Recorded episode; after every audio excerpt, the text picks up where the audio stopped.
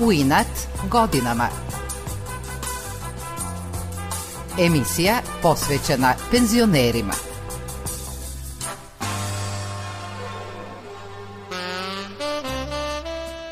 Dobro jutro i dobrodošli. Današnji junak emisije u inad godinama je Mirko Štark, producent i organizator u radioteleviziji Vojvodine i profesor na Akademiji umetnosti u Novom Sadu u penziji. Kada se penzionisao, njegovo učešće u društvenom i javnom životu nije prestalo. Naprotiv, ostao je predsednik i član hora Hašira, a odnedavno je i novi predsednik Jevrejske opštine u Novom Sadu. U radioteleviziji Vojvodine je radio složene emisije kao što su Baze na Dunavu, Varošarije od našeg dopisnika, kao i brojne dečije i muzičke emisije. Mirko Štark je kao profesor na akademiji uveo novine u rad sa studentima, jedna od njih je projekat Interaktivni bioskop. Horka Šira, što u prevodu znači muzika, njegova je velika ljubav već gotovo četvrt veka. Prvi dom Mirka Štarka bio je Jevrejski studentski dom u Beogradu, jer su mu roditelji tada još studirali, mama građevinu, a tata rudarstvo.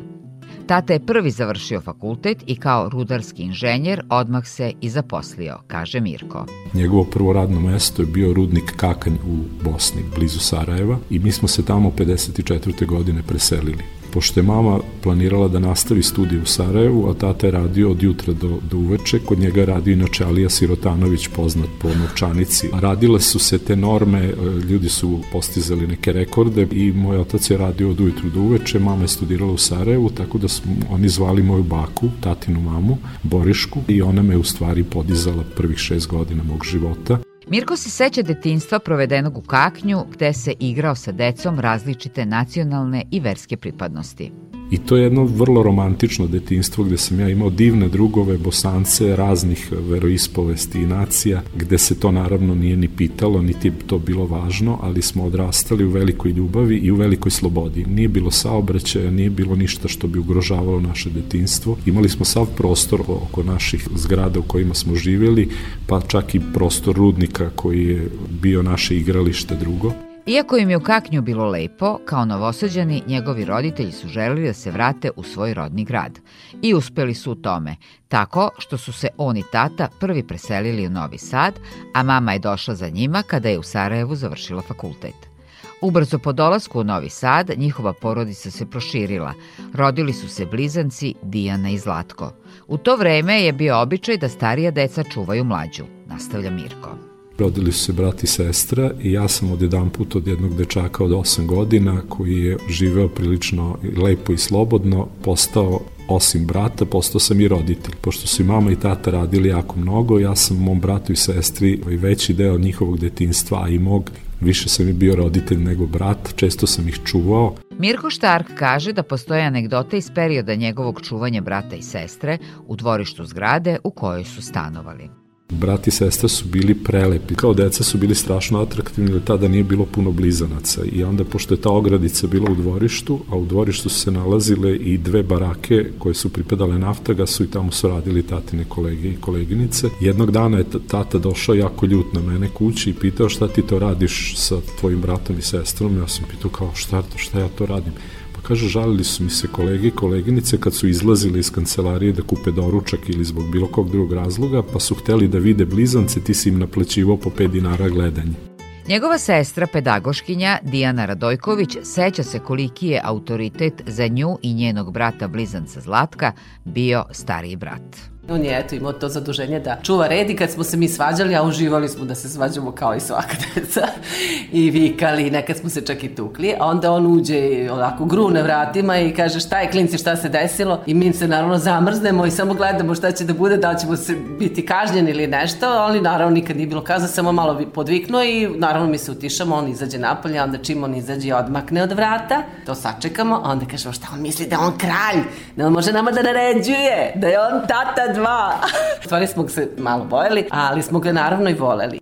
Dijana kaže da je od svog starijeg brata naučila da sluša kvalitetnu muziku, a da kada su ona i Zlatko postali srednjoškolci, njihovi odnosi su se promenili. Tada smo počeli jednu novu priču da pričamo jedni drugima i tada smo postali braća i sestre u onom pravom smislu jer se izgubila ta uloga da on trebao da čuva nas, da bude odgovoran za naše ponašanje i da li smo uradili domaći ili smo došli na vreme iz škole, nego je postao naš prijatelj. I to je jedan novi period u našem porodičnom životu.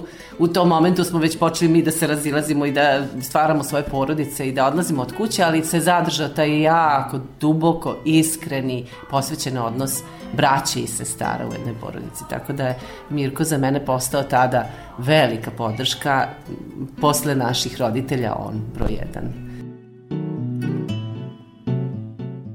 U vreme Mirkovog odrastanja u svetu je nastao revolucionarni rock and roll pokret, kao bunt mladih na rat u Vijetnamu. Taj talas stigao je i u Novi Sad. Pošto se tada nije mnogo putovalo u inostranstvo, snalazili su se za nove ploče – priča Mirko Štark. Ja nisam tada imao gramofon, moj prijatelj i najbolji drug celoživotni Miša Obradović, on je imao gramofon, a njegov brat od ujaka često je putao u inostranstvo i onda nam je donosio ploče. Kada taj njegov brat Mirko Rapajić dođe u Novi Sad i donese ploče. Za nas je to bilo ravno, pa recimo Božiću ili Uskrsu ili tako nekom jako veličanstvenom danu, jer su se onda te ploče pažljivo otpakivale, pa smo ih prvo mirisali, pa smo ih onda razgledali, pa to dok se stavi na gramofon, to je bio čitav ritual, a onda kad se stavi na gramofon, onda se to otvore prozori, da se ta muzika podeli sa svim komšilukom i svima koji prolaze ulicom, Prva ploča koju im je doneo drugov brat iz inostranstva bila je tadašnje najpopularnije britanske grupe Beatles. Seća se Mirko.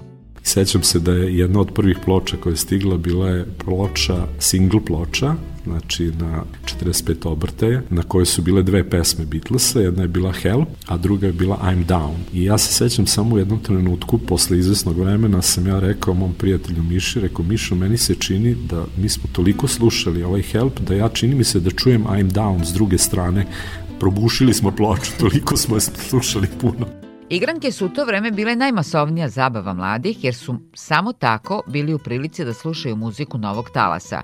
Igranke su se održavale na mašincu i u srednjim školama, kaže Mirko Štark. Bile su igranke po čitavom gradu i bile su jako važne za našu socijalizaciju, za stvaranje kontakata, za dešavanje prvih ljubavi i kasnije moj prijatelj Miša Obradović držao jednu diskoteku u Novom Sadu, mi smo je zvali Crnjak, a u stvari se zvala zvanično klub međunarodnog prijateljstva. Nalazila se na trgu Mladenaca, tu je bilo puno stranih studenta. Kada je završio fakultet, povremeno je radio neke poslove honorarno, pa je tako dobio angažman da bude vozač ekipi koja je snimala narodne običaje u Vršcu. Međutim, desila se neprijatna situacija koju je video i odlučio je da za televiziju više nikada ne radi. Posle izvesnog vremena usledio je poziv od iste ekipe koji je promenio njegovo mišljenje. I onda su me zvali da ja idem sa njima jer sam im se dopao kao saradnik. To je verovatno bio neki prelomni trenutak. Ja sam tu negde polako zavoleo televiziju, došao sam kao mlad organizator, počeo sam da radim najjednostavnije poslove i prošao sam ceo taj put od tih najjednostavnijih struktura, reklame smo radili neke kratke dokumentarne emisije, da bih na kraju završio kao producent najsloženijih projekata. Njegove organizatorske sposobnosti su bile izuzetne, kaže njegov kolega i prijatelj, snimatelj i reditelj Siniša Reljin. Ja ne znam da je on ikada kasnio, ali znam za nas da, da smo poprilično kasnili, recimo kada treba da nas skupi u naše vozilo kombi, u to vreme čuveni Fordov kombi, onda nas tamo sve skupi i onda nema vozača. E onda ode po vozača, dok nađe vozača, onda neko izađe iz kombija. I on je neverovatne živce imao, njegov posao je bio da budemo na vreme, na mesto snimanja. Ja se ne sjećam da smo, kada je Mirko bio organizator, bilo gde kasnili. Ja sam ponekad se šalio, pa ja kažem, ti si kao naša vaspitačica. Najveći izazov za Mirka Štarka bilo je snimanje serije Baze na Dunavu. Baze na Dunavu su iskustvo gde sam prvo proverio sebe, znači da li to mogu da uradim. To su bila četiri meseca kad sam ja spavao po 2-3 sata dnevno tokom noći, kad sam stigao da spavam i ja sam izdržao taj maraton, u tom maratonu sam stekao jednog izuzetno dobrog prijatelja i, i velikog profesionalca, zvao se Drago Nushol, nažalost pokojni je. On je bio vođa snimanja u tom projektu, inače je jedan od najčuvenijih hrvatskih direktora filma Mirko Štark je uspešno radio kao organizator i producent u svim televizijskim i radijskim redakcijama naše kuće. Uvek tačan i spreman za teren. Snimatelj i reditelj Siniša Reljin se seća kada je snimao spot za takmičenje na festivalu u Amsterdamu na temu muzike Camilla Saint-Sansa sredstva smo imali ono za klasičnu muziku vrlo mala i nekako je, ako možeš za jedan dan, ti napravi. Ja sam, Mirko to zna, kad je u pitanju ta improvizacija uglavnom spreman, ali onda sam morao da odaberem naravno saradnika koji to može da izvede, a to je bio Mirko. E sad, Mirko je ne samo što je organizovao, nego je i glumio Camille Sansa, odlično ga je odglumio i naravno tamo smo dobili i nagradu. Mirko Štark ističe da je u vreme bez mobilnih telefona bilo teško raditi, ali tada se poštovao dogovor i odstupanja su bila mala. Međutim, dešavalo se da nisu postojale mogućnosti da se neke neprijatne situacije spreče. On se seća jedne. Naime, u Jugoslaviji su se filmske trake kupovale sa pravima svih televizijskih kuća, pa su ih TV centri razmenjivali i trebalo je da se ode po veliku količinu traka u televiziju Zagreb. Tada sam radio u filmskoj redakciji i kulturno-umetničkog programa i ja sam dogovorio tada sve šta treba da se uradi. Dao sam nalog za automobil, dobio sam vozača, čovek je seo u automobil i ja sam ga ispratio na parkingu, mahnuo mu, on je otišao i tog trenutka me zvao portir sa portirnice naše u televiziji da hitno dođem da me zovu iz Zagreba, ja odjurim na portirnicu i jave mi da trake nisu u Zagrebu nego su u Skoplju. Vozač je otišao u Zagreb, ja nisam mogao da ga zaustavim. Kada je stigla ponuda sa Akademije umetnosti, dugo je razmišljao da li da je prihvati, jer je još želeo da radi na televiziji. Međutim, shvatajući da se tu nalazi pod svakodnevnim stresom, prihvatio je ponudu. I nije se pokajao, kaže Mirko Štark. Presrećan sam zbog toga jer sam na neki način dobio pojas za spasavanje i dobio sam priliku da svoje iskustvo prenesem mlađim kolegama koji se tek spremaju da, da rade taj posao i beskonačno sam uživao u radu sa mladim ljudima koji dolaze puni ambicija, puni entuzijazma, puni neke dobre energije, a još uvek ne znaju ni blizu šta ih čeka. Mirko Štark je urad sa studentima u neonovine po ugledu na svetska dešavanja i jedan moj dobar prijatelj je doneo taj patent, da to tako kažem, u Novi Sad. Ja sam prisustuo jednoj takvoj projekciji u Petrovaradinu u jednom kafeu. Ta premijera tog filma je meni podstakla ideju da to radim sa studentima i mi smo uradili Rocky Horror Picture Show u našoj režiji po tom engleskom receptu studentima se to toliko do, dopalo da je sledeća generacija tražila da radimo nešto slično, onda smo to uradili potpuno iz početka, znači mi smo kreirali listu događaja koji će se događati u publici na osnovu filma Blues Brothers i to je bilo potpuno fascinantno, koliko je publika bila oduševljena. Profesor Mirko Štark je po ugledu na Rocky Horror Picture Show otišao i korak dalje sa svojim studentima. Kasnije smo to podigli na sledeći nivo, pa smo to uradili u saradnji sa Arena Cineplexom i uradili smo to u klasičnom bioskopu sa ulaznicama. U Areni smo uradili, mi nismo anđeli prvi deo i to je bio potpuni haos i na svu sreću postoje sačuvani snimci i fotografije sa tih događaja, tako da su to bili pikovi, da to tako kažemo, i u smislu intenziteta rada i u smislu e, proveravanja kvaliteta i sobstvenih i, i kolega, a to su događaji koji će ostati upisani u istoriju istorijata ove Akademije umetnosti. Poseban deo u životu Mirka Štarka zauzima i Horha Šira, u kojem je kao član i predsjednik gotovo četvrt veka. Supruga i ja smo tada hteli da idemo u neku plesnu školu, međutim to se nešto pokvarilo, nije se desilo i rešili smo da odemo na probu da vidimo kako to izgleda i zaljubili smo se u hor i evo do dana današnjeg smo u horu. Repertoar koji mi imamo u Haširi je za svakog novog pevača izuzetno težak jer pevamo na raznim jezicima od kojih većinu ne razumemo. Pevamo na hebrejskom, pevamo na jidišu, pevamo na ladinu, pevamo na na italijanskom, na engleskom, na raznim jezicima, španskom. Korha Šira pripada jevrejskoj opštini Novi Sad, ali najmanje ima jevreja u njemu, kaže Mirko Štark jedina nagrada za nas su koncerti i ti neki naši nastupi u inostranstvu. Pevači koji pevaju u horu, većina nisu jevreji, imamo svega nas troje, smo članovi jevrejske opštine, svih ostalih 35-6 pevača su pevači različitih veroispovesti nacija, ateisti i tako dalje i jako poštujem to što oni, bez obzira što nisu jevreji, odabrali su od svih novosadskih horova da pevaju baš u Haširi. Dirigentkinja hora Vesna Kesić-Kasmanović, koja inače vodi operski hor u Srpskom narodnom pozorištu, ove godine slavi 18 godina od dolaska u Haširu. Hor je tada ostao bez umetničkog rukovodioca, a imali su zakazan koncert u Kanjiži. Maestro Imre Toplak predložio je Vesnu za umetničkog rukovodioca i dirigenta.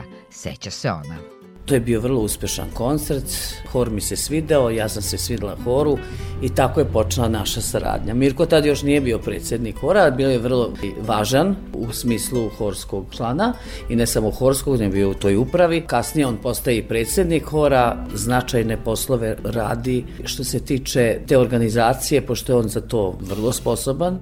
Repertoar hora je raznovrstan, pevaju sve, nastavlja Vesna Kesić-Krsmanović. Muzika je divna, volimo da pevamo tu jevrejsku muziku. Oslanja se na kulturu cijeloga sveta, nekako se osjećamo kao kosmopoliti. Svi. znači, zato što ona u stvari zaista predstavlja kulturu svih. Gde god su jevreji živeli, oni su tu muziku, kulturu prenosili, nosili sa sobom i ugrađivali Pre korone mnogo su putovali na festivale po Evropi i osvajali su nagrade. Predsednik hora Mirko Štark kaže da je to na neki način izazov, ali i motivacija članovima da budu još bolji. On se seća putovanja na festival u nemačkom gradu Verni Gerode. Priča počinje tako što je jedna članica hora dobila infarkt i ceo hor odlazi da se sa njom pozdravi, jer su se vraćali u Novi Sad. Bila je u izuzetno teškom stanju. Mi smo tu razgovarali, on, došla je ta doktorica i rekla je pa šta vi radite u ovom mom mestu gde ja živim? Pa mi smo rekli pa mi smo tu na festivalu horskom. Ja, to je divno, pa ja isto pevam u horu, pa jel biste vi nama nešto otpevali? U šok sobi, u bolnici gde leže samo dva pacijenta na aparatima velikim. Ja sam pitao, vi mislite ovde da pevamo? A ona je rekla, pa da, naravno. Mi smo njoj otpevali jednu kompoziciju, došle su još nekoliko sestara iz susednih odelenja koje su čule pesmu i naša Neda koja je ležala u krevetu pevala sa nama. Znači, to je nešto što je nezamislivo.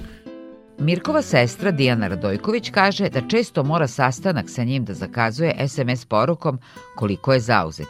Međutim, ona zna da mu ta dinamika u penziji jako prija. Meni se čini da njegov penzionerski život nikad lepši nije bio i da je on ispunjen, tako i govori na kraju krajeva i tako ga vidim sad kad god ga sretnem, on je u nekim planovima, u nekim sastancima. Mislim da on sada na neki način ne samo što realizuje svoje stare i, i nerealizovane ideje, nego postavlja neke temelje za neki drugačiji život u gradu. Njegova ideja je samo to da popravi odnose unutar jevreske opštine Mirko kaže da je srećan što je izabran za predsednika Jevrejske opštine, jer je tu išao u vrtić, proveo omladinske dane, bio čitavog života tu aktivan i smatra je svojom drugom kućom. Evo sad imam priliku da kao predsednik e, uradim neke stvari koje sam uvek mislio da se mogu uraditi u ovoj jevreskoj opštini, da ljudi uživaju dolazeći u jevrejsku opštinu, da vole tu jevrejsku opštinu, da im bude prijatno i to je eto neka moja misija. Pored toga imam dvoje unuka koje obožavam, koji su predivni, koji žive u Novom Sadu blizu nas i sa kojima se trudim da provedem što više mogu vremena. Mirko Štark, nekadašnji producent i organizator u našoj kući, profesor na akademiji, ni u penziji se ne predaje i uživa radeći ono što voli.